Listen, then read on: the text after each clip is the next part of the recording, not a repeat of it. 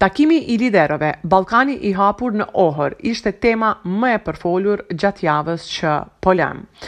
Në Maqedoninë e Veriut, liderët e rajonit janë takuar në Ohër për të biseduar rreth perspektivave të rajonit në të ardhmen. Kryeprotagonist ishte Ali Ahmeti, i cili tha se mbështet Ballkanin e Hapur pasi e sheh si instrument për pajtim në Ballkanin Perëndimor. Ahmeti ka thënë se problemet e hapura në këtë pjesë rrezikojnë paqen. Ai ka inkurajuar Kosovën dhe politikën kosovare që të jetë më e guximshme në hapat konkret drejt një Ballkani të hapur. Ai më tutje është shprehur, Unë kam njëzet vjet që flas për pajtim të rajonit. Ka njëzet vjet që kam promovuar që në luftë të përhershme s'mund të jetojmë, që në hasmëri të përjetshme nuk mund të mbijetojmë dhe e kam promovuar në kohë tejet të vështira, sepse duhej të arrihej një pajtueshmëri midis dy komuniteteve më të mëdha këtu në Maqedoni, ka thënë lideri Ahmeti. Ai ka kujtuar se në fillim maqedonasit, nuk e kanë mbështetur marrëveshjen e Ohrit, por sot kjo marrëveshje pa diskutim është vlerë e pakontestueshme e Maqedonisë së Veriut. Kryeministri i Shqipërisë, Edi Rama, e ka quajtur kryetarin e BDI-së, Ali Ahmeti, pioner të Ballkanit të Hapur, misionar dhe model të politikëbërjes për të gjithë liderët në rajon.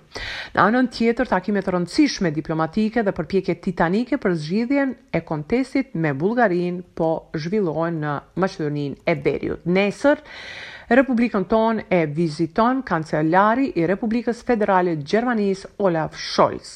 Sipas pres-shërbimit qeveritar, kancelarin Scholz dhe delegacionin e tij në pllajën para qeverisë së Republikës Maqedonisë së Veriut do t'i presë kryeministri Dimitar Kovaçevski me ceremoni për pritje me nderimet më të larta shtetërore dhe ushtarake.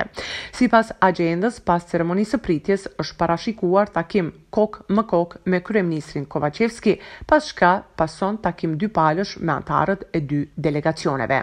Vizita e kancelarit Scholz do të përfundojë me konferencë përbashkët për shtyp me kryetarin e qeverisë Dimitar Kovaçevski. Në ndërkohë duhet të kujtojmë se çdo mossukses në raport me Bullgarinë shfrytëzohet për poena politikë nga opozita, pikërisht nga VMRO-DPMNE. Hristijan Mickovski ka thënë se do të votojë kundër kornizës negociuese që do të përmbajë kërkesat bullgare, sepse sipas tij nuk ka kuptim të negociohet me Bullgarinë sepse tri kërkesat e kryeministrit Kiril Petkov janë tejet radikale. Petkov kërkon që Sofja të respektojë qëndrimin kornizë të Kuvendit të Bullgarisë përfshirjen e bullgarëve në Kushtetutën e Republikës së Maqedonisë së Veriut dhe zbatimin e marrëveshjes për fqinjësi të mirë.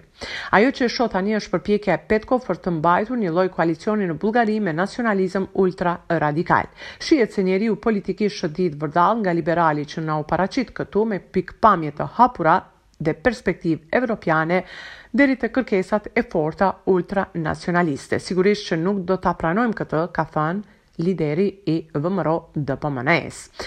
Ai më tutje ka shtuar në konferencë për media se partia e tij do të ankimojë vendimin e gjykatës me të cilin konfiskohet selia e partisë, dhe paralajmëroi hapjen e mundshme të procedurës para Gjykatës së Strasburgut. E gjithë kjo do të ankimohet pasi të marrim aktgjykim me shkrim në Gjykatën e Apelit. Nuk presim që diçka të ndryshojë me këtë gjyqësor dhe prokurori partiake, por do të përdorim të gjitha mekanizmat ligjor që kemi në dispozicion dhe do të shqyrtojmë mundësinë e hapjes së procedurës para Gjykatës së Strasburgut. Drejtësia do të dëshmohet, ka thënë Hristijan Mickoski në ndërkohë që studentët kanë dalë me kërkesë të menjëhershme që selia milionëshe në qendër të Shkupit e VMRO-DPMNE-së t'u vihet në shërbim studentëve për nevojat e tyre dhe si konvikt. Megjithatë, fati i kësaj ndërtese nuk dihet akoma. Është shënuar njëqind e dyzet e katër vjetori i Lidhjes Shqiptare të Prizrenit nga Instituti i Trashëgimisë Shpirtërore Kulturore të Shqiptarëve dhe shoqëria Lëvizja. Me një akademi solemne të organizuar, drejtori i institutit, Skender Asani, ka bërë një retrospektivë historike të ngjarjeve që shënuan epokën e Lidhjes së Prizrenit e cila veproi në periudhën më të vështirë për kombin tonë me shtrirje të gjerë në të gjithë hapësirën shqiptare. Në anën tjetër, një sukses historik në rrafshin kulturor. Ansambli Kombëtar Shqiptar ka fituar edicionin e njëzet e shtatë të festivalit Karnevali i Danubit që është mbajtur një javë në Budapest. Pas një maratone të prezantimeve me valle nga trevat e Republikës së Maqedonisë së Veriut dhe këngë nga autorët tanë, Ansambli ka kurorëzuar këtë pjesëmarrje me çmim të parë dhe çmim special për solistët më të mirë meshkuj.